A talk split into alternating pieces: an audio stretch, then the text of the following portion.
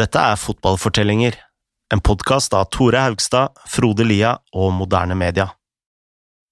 Når Arrigo Sakki sier takk for seg, tror mange Milans gullalder er over.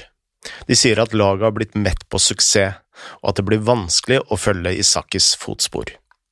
Det ser ekstra mørkt ut når Silvio Berlusconi ansetter en trener som knapt har erfaring på A-lagsnivå.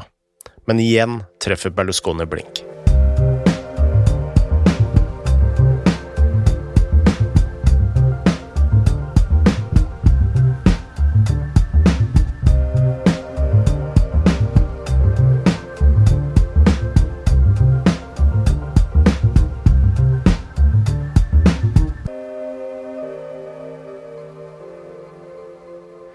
Sommeren 1991 sto Milan ved et veiskille.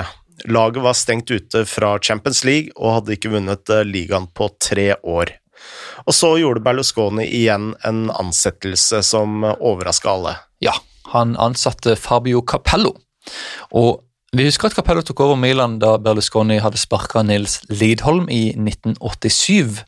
Nå var Capello blitt 45 år, og den ene, denne ene perioden som caretaker for A-laget var fortsatt den eneste erfaringa han hadde som trener for et A-lag. Så hvorfor eh, valgte Berlusconi Capello?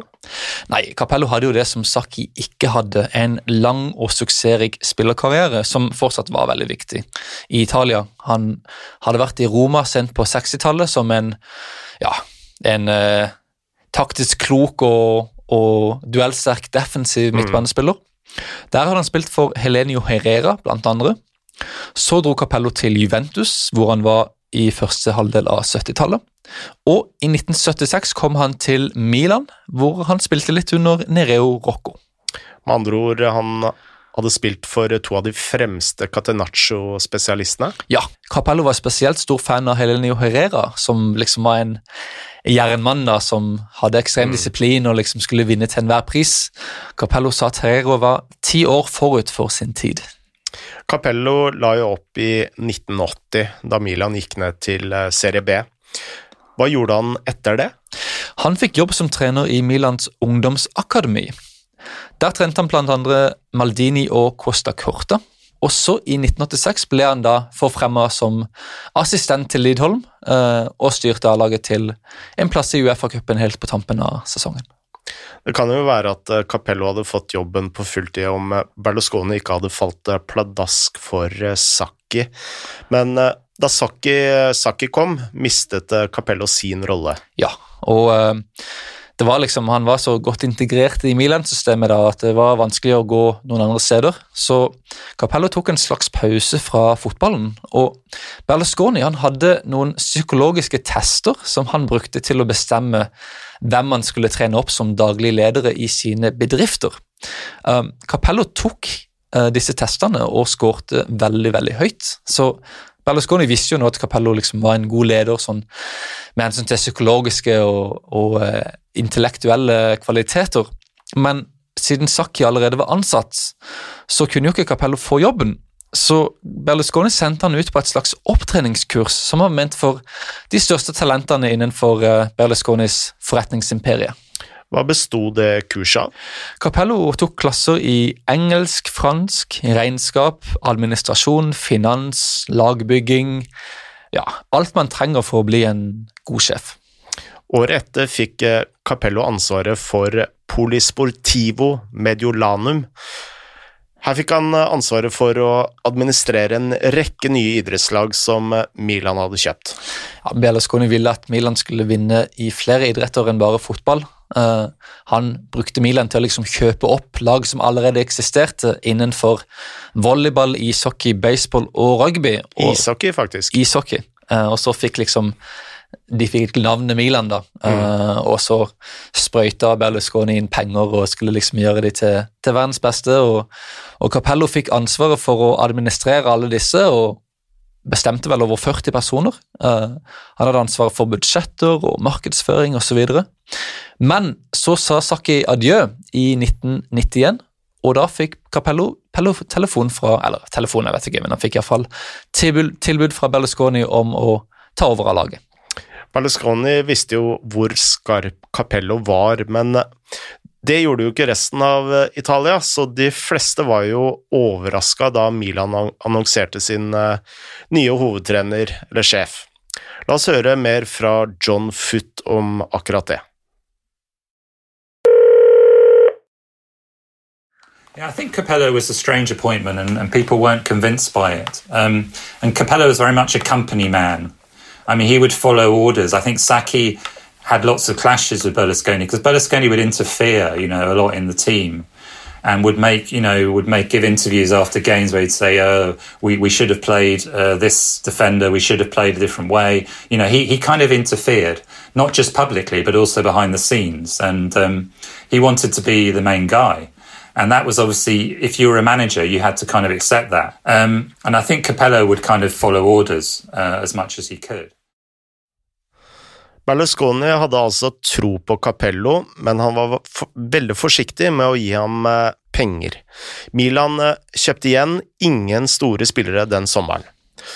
Capello måtte jobbe med det han hadde, og mange trodde at laget også var i sluttfasen av en eh, syklus. Og det er jo litt rart. altså Så på alderen her, og nøkkelspillerne greit, Noen var over 30, som Baresi, Tassotti og Ancelotti. Men det var fortsatt mange unge bein der. Um, kanskje handla denne syklusgreia mer om motivasjonen til spillerne. Milan hadde jo vunnet alt, og mange trodde at dette laget var mette på suksess. Capello kjente Maldini og eh, Costa Corta fra ungdomslagene. Han hadde også spilt med Baresi, men resten av stallen måtte han overbevise. Ja, han måtte liksom fornye denne motivasjonen, da. Uh, og så han fortalte da stallen at liksom, sa til det at alle tror at dere er ferdige. Uh, pressen sier at jeg må bare rive ned hele, hele, stallen og bygge den på ny fordi dere er på slutten av en syklus. Uh, han ga, liksom, ga liksom denne utfordringen da, ved å ja, overbevise han om, at han om at han hadde hørt feil, og at uh, han fortsatt kunne stole på de som var der. Nå som Milan var utestengt fra Champions League, var det store målet selvsagt uh, Serie A. Rivaliseringen med Napoli var uh, over, og i stor grad fordi Maradona hadde testet positivt på en dopingtest og blitt utestengt i 15 måneder. Ja, men Sampdoria var jo fortsatt regjerende mester, med Vialli og Mancini på topp. Eh, og Juventus hadde fått tilbake Giovanni Trappatoni som trener. Dette kom ikke til å bli en tittel som var enkel å vinne på noe vis. Nei, for det gikk eh, veldig sakte i starten. Milan vant eh, to kamper 1-0, og så spilte de 1-1 to ganger. Men så løsna det plutselig. Innen vinterpausen hadde de spilt 14 ligakamper uten tap og lå på toppen av tabellen. Mm. Uh, innen det hadde jo spillerne også funnet ut av hva slags trener Capello var, uh, og alle trenere har jo sine eh, styrker og svakheter og, og kuriositeter. Capello han var veldig overtroisk. Um, hver pressekonferanse på fredag så ville han at de samme tre journalistene skulle stille de samme tre spørsmålene i den samme rekkefølgen hver gang. Når de skulle fly til bortekamper, så satt alltid Capello i sete 3A eller 4A. Han måtte alltid være den siste som gikk inn på lagbussen, og han forbød folk fra å skrive med rødt blekk. På treningsheltet var ikke Capello like intens som Sakki, men han var uh, veldig streng. Da spillerne trente, kunne Capello f.eks. bare stirre på dem uten å si et eneste ord. Han var heller ikke typen uh, som ville høre på spillernes uh, bekymringer og klaginger og Og når de var på treningsfeltet, da skulle de jobbe. Om de hadde problemer med kona eller barna, så fikk de heller bare holde seg hjemme. Ja, Italienerne kalte Capello for Il Sergente di Ferro, altså jernsersjanten, direkte oversatt. La oss høre fra Sheridan Bird om Capellos lederstil. Thing about Fabio Capello is that everyone that's played under him respected him. Now, you know as well as I do, not just in football, in any aspect of business, that, you know, if you respect someone, it doesn't matter if you don't like them. I don't think Capello was particularly popular with his players. No, I don't think, you know, they would have gone out for a, a drink with him in central Milan or a coffee, but they respected him and it was getting results. Um, and he didn't change. You know, Capello had a difficult relationship with Totti at Roma, but it worked on the pitch and they respected each other, and that's the key. Not many are particularly affectionate about Capello, but the, the, the, end of that story is that he probably doesn't care. He's friends with Totti now, he's friends with Cassano now. There was an event last year in Milan where Cassano and Capello were on stage telling stories about the days in Real, at Real Madrid and Roma when Capello would tell the chefs at Trigoria, Roma's training ground, not to give Cassano chips or French fries or, you know, whatever you want to call them. Now they joke about it, but back then they don't. And it was the same with Milan. I would imagine that, no, he wasn't a popular coach. The players weren't particularly in love with his methods, but it was it, it was it was successful and it worked, and that's why they got on with it. Vinteren var strålende for eh, Capello. Milan vant eh, sine første fem kamper, og de skåret hele 17 mål på de fem kampene. Ja, og Mye av grunnen til det var van Basten. Den sesongen var han i stor grad skadefri. Uh, han skulle skåre 25 mål og skaffe seg 11 assist på 31 ligakamper. Det var utrolig tall i Serie A på den tida, og han ble selvfølgelig toppskårer i ligaen med klar margin. Van Basten eh, klarte ikke å forhindre at eh, Milan tapte mot Juventus i semifinalen i cupen. Men eh, Milan cruiset inn til ligatittelen. Og dette var ikke en triumf som Capello hadde oppnådd med kynisk fotball. Milan hadde vunnet med stor stil. Ja, de tapte ikke en eneste kamp i Serie A. Her snakker vi altså om en såkalt invincible-sesong lenge før Arsenal klarte det i 2004. Men det var ikke det aller mest spesielle. Milan skårte 74 mål på 34 kamper i Serie A den sesongen. Til sammenligning hadde Juventus, som eh, kom på andreplass, eh, kun skåret 45 mål. Og selv ikke under Sakki hadde Milan skåret mer enn 61 eh, mål. Nei, uh, Capellos Milan hadde vunnet 4-1 mot Roma, 5-0 mot Napoli og 5-1 mot Sampdoria.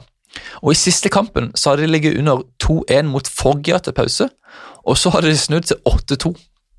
Dette er jo litt eh, overraskende, fordi Sakki skulle liksom være den uh, treneren som alltid ønsket å angrepe, altså den positive treneren, mens uh, Capello blei jo kjent som den defensive og kyniske og pragmatiske treneren. Mm. Betyr dette at Capellos rykte er litt sånn ufortjent? Det er et godt spørsmål. Så vi spurte Gabrielle Marcotti om hva han syns om Capellos rykte som en defensiv trener. Completely ignorant and unfair and stupid. Um, he's a coach who who plays to the strengths of his team. Uh, if you think about, I mean, Capello is also the guy who won a title at Roma, playing with, um, you know, Battistuta, Totti, Del Vecchio, uh, Cafu. I mean, with a very, with a very, very attacking um, lineup, right? Uh, he did it uh, when Serie A was was pretty much at its peak or close to it. Um, Capella is a guy who does what he thinks is necessary to win. He can play. He's comfortable playing any kind of system.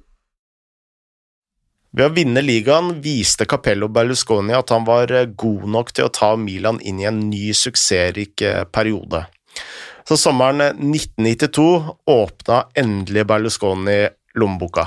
Ja, og det var en annen grunn til det også. Eh, det året kom det en ny regel om at antallet utenlandske spillere lagene kunne ha, kunne gå opp til seks stykker. Eh, de kunne kun fortsatt ha tre på banen, mens stallen kunne ha seks stykker. Så nå kunne endelig Berlusconi hente de utenlandske stjernene han var eh, blitt forelska i. Ja, så den sommeren henta Milan veldig mange. Eh, de henta tre italienere, først og fremst. Gianluigi Lentini fra Torino, Fernando Di Napoli fra Napoli og Stefano Eranio fra Genoa. I tillegg rydda de plass til eh, kroaten Svonimir Boban, som de hadde kjøpt fra Dinamo Zagreb året før, for så å låne ut til Bari. De kjøpte spissen Jean-Pierre Papin fra Marseille, og de henta Dejan Savicevic fra Røde Stjerne. Dette var ikke smågutter. Papin eh, hadde vel vunnet gullballen året før og tatt eh, Marseille til finalen i Champions League. Der hadde han eh, tapt mot Røde Stjerne, hvor Savicevic var en av profilene. Lentini var så dyr at eh, Vatikanstatens offisielle avis beskrev eh, kjøpet som uansvarlig. Ja, så eh, det med enorme overgangssummer som skaper avsky i samfunnet generelt, ikke, er ikke noe nytt uh, i dag. Uh, litt senere det året, altså Milan hadde jo et utrolig lag nå, Uh, og litt senere det året skulle Milan ha fem av de siste seks gullballen, eh, altså gullballenprisene da, mm. i stallen. De hadde Gullit i 87, Papin i 91 og van Basten i 88, 89 og 92. Eneste stjernen som eh, forsvant det året, var Angelotti, som ble Sakkis eh, assistent på det italienske landslaget. Men eh, Capello hadde allerede begynt å bruke en ung Demetrio Albertini på midten. Ja, så altså, sentralt nå så hadde jo Capello Albertini pluss Rijkaard, Boban og Di Napoli. På kantene hadde han Donadoni, Evani, Eranio og Lentini. Og på topp hadde han van Basten, Gullit, Papin og Simone. På toppen av alt dette så hadde han også Savicevic, som var en slags tierrolle som ikke passa helt inn i, i Capellos 4-4-2. Dette var jo voldsomt. eh, Var det virkelig å, hente så mange profiler? Jeg vet ikke om det var så nødvendig, men uh, Capello hadde jo sine eh, grunner. La oss høre mer fra Gabrielle Marcotti. I think that one of the big changes that happened under Capello, um, really after his first season, right? So his first season obviously wins the title, and then in in the second season, all of a sudden, you know, they, you know, he's kind of proved almost like he's proven his worth, and they won the title. Well, Capello was very big on is the idea of effectively having or the concept of having two Milan teams, right? um, of, of having two guys for every position. So if you remember, um, you know that was that was a summer that uh, you know he, he brought in all these midfielders. He got Eragno, he got you know who was an Italian international, cost a lot of money. He got Di Napoli from Napoli. Um, they obviously got they got Lentini, they got Papin, um, and they got Savicevic. Plus Boban coming back from his um, coming back from his loan. Um, and all of a sudden you had huge competition for places. And Capello was very big on using that as a lever, on sending a message that, yeah, there's a group, but nobody's indispensable in this group, uh, except for Mbasta, of course. Uh, that was very different from Saki's Milan, where, you know, you had that starting 11, not just the back four, but, you know, you remember the, the, the, the midfield was was Donadoni and, and, and Ancelotti and, and Jole and whatever. Um, you, so he kind of he kind of created this this system where everybody he rotated a lot more, and where everybody was kind of looking over his shoulder a little bit. You know, with the exception obviously of, of perhaps Baresi and Maldini. Um, and I think that was very that was a very powerful message. Capello said, "I'm not gonna." I'm not going to be your friend. I'm not going to be your your sort of you know messianic spiritual guide the way uh, the way Saki was. Uh, you guys are to have to work for this, and I'm going to have to you know adjust things as I see fit. Um, game. And and I think that was a very different relationship. It was definitely a more I think a more um, business-like relationship than the one that, uh, that, that, that, Saki, uh, that Saki had with the players, but it certainly worked for him. Høsten 1992 vant Milan sine første syv kamper i Serie A. De vant 5-4 mot Pescara, 5-3 mot Lazio og 7-3 mot Fiorentina. Og litt senere vant de 5-1 mot Napoli. Ja, og dette var jo bra, men Capello var bekymra over at Milan slapp inn så mange mål. Så han gjorde en liten justering. Han ba Rijkaard og Albertini om å ligge litt dypere sentralt på midten. Og så, i desember, ble van Basten skada og ble ja, de sa han var ute i fem måneder. Um, og uten sin beste spiss da, så begynte Capello å stole litt mer på forsvaret.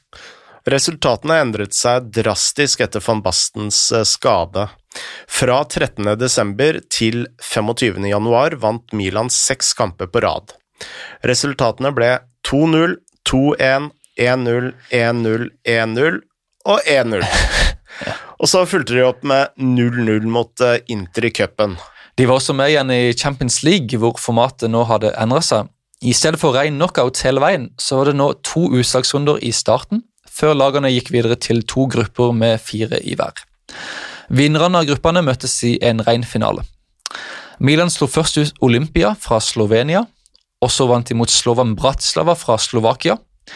I gruppa starta de med seire mot Göteborg og PSV, noe som betyr at Milan sto med seks strake seire og ett baklengs, som da ble skåra Romario, og det må vel kunne unnskyldes. og underveis eh, kranglet eh, Capello omtrent med hver eneste spiller, og det var kanskje uunngåelig når eh, det var så stor kamp om plassene. En av spillerne som var kanskje mest misfornøyd, det var Gullit. Ja, Gullit var en av seks utenlandske spillere som gjorde det enda vanskeligere for Capello å bruke han. Um, og før en kamp så gikk Gullit inn på spillerbussen, hvor det allerede satt tre utenlandske spillere. Alle forsto jo at det uh, ikke var plass til en fjerde, og uh, Capello måtte be en av sine assistenter om å si til Gullit at han ikke var med i kamptroppen. og uh, dette var jo en enorm ydmykelse for Gullit. Dette var jo heller ikke noe Gullit bare aksepterte. Vi har jo snakket før om hvor eh, stolt og karismatisk eh, han er. Ved en annen anledning skal han ha vært nære ved å slå Capello. Visstnok eh, klarte Rijkaard å stoppe ham i siste liten, men eh, det som var så bra med Capello, da, det var at han aldri tok det personlig. Dagen etter snakka han til spillerne som ingenting hadde skjedd. Gullit var ikke den eneste som ikke var helt fornøyd med Capello. Um, heller ikke spissen Marco Simone fikk spille noe særlig. Så uh, Simone spurte jo på helt greit vis da, om han kunne gå ut på lån og få spille for en annen klubb. Og Capello han sa nei, Simone var fjerdevalg.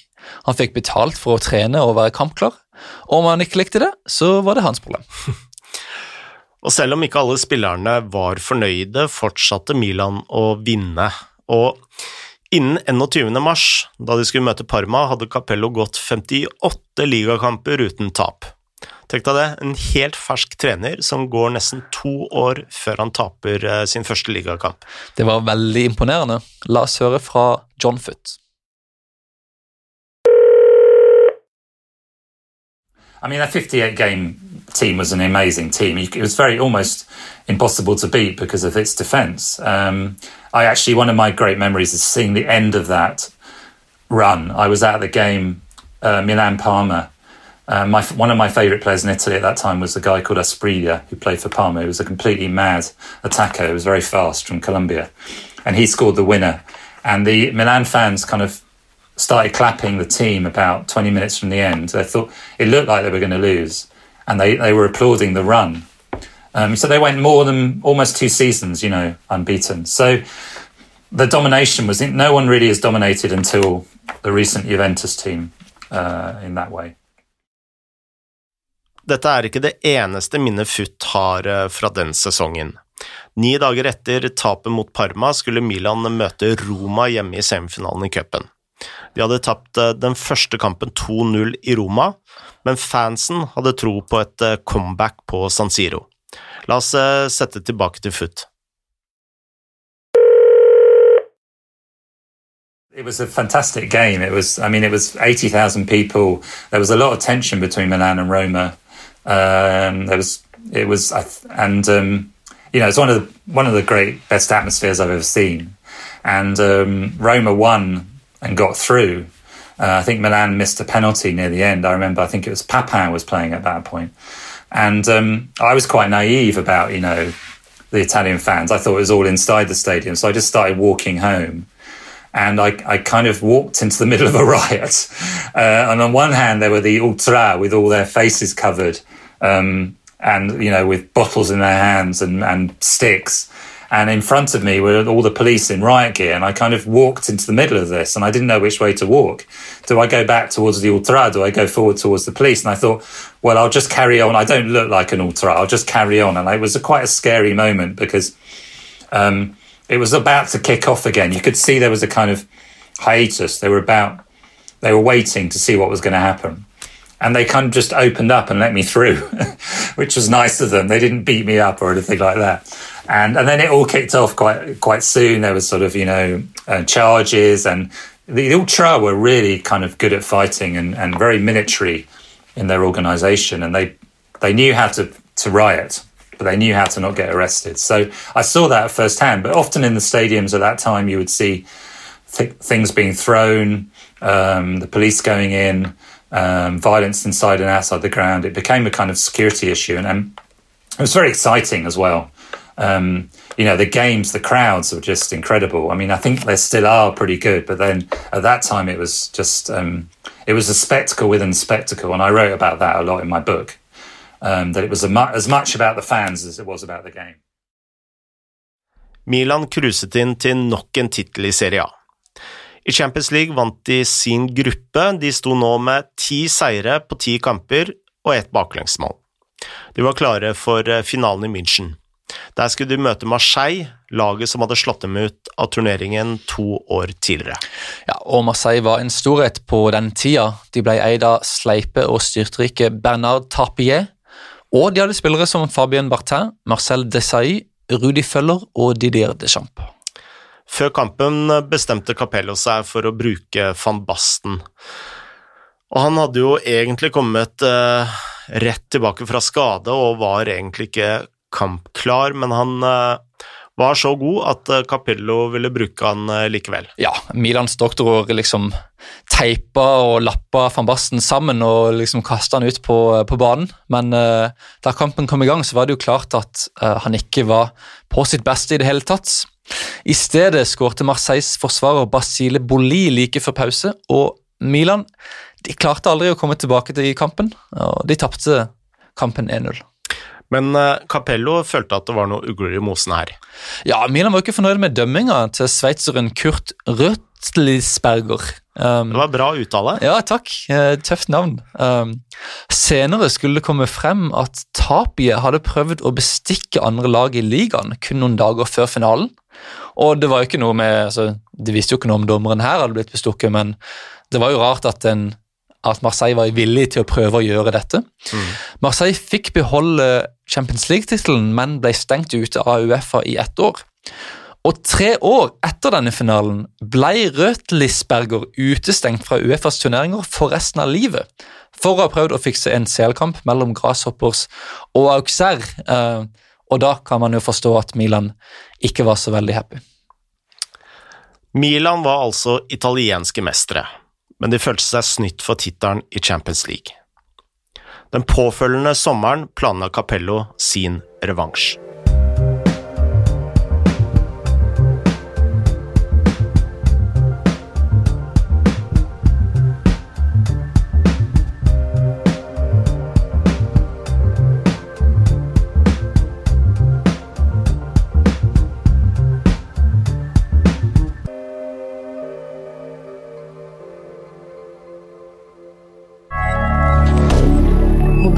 Media.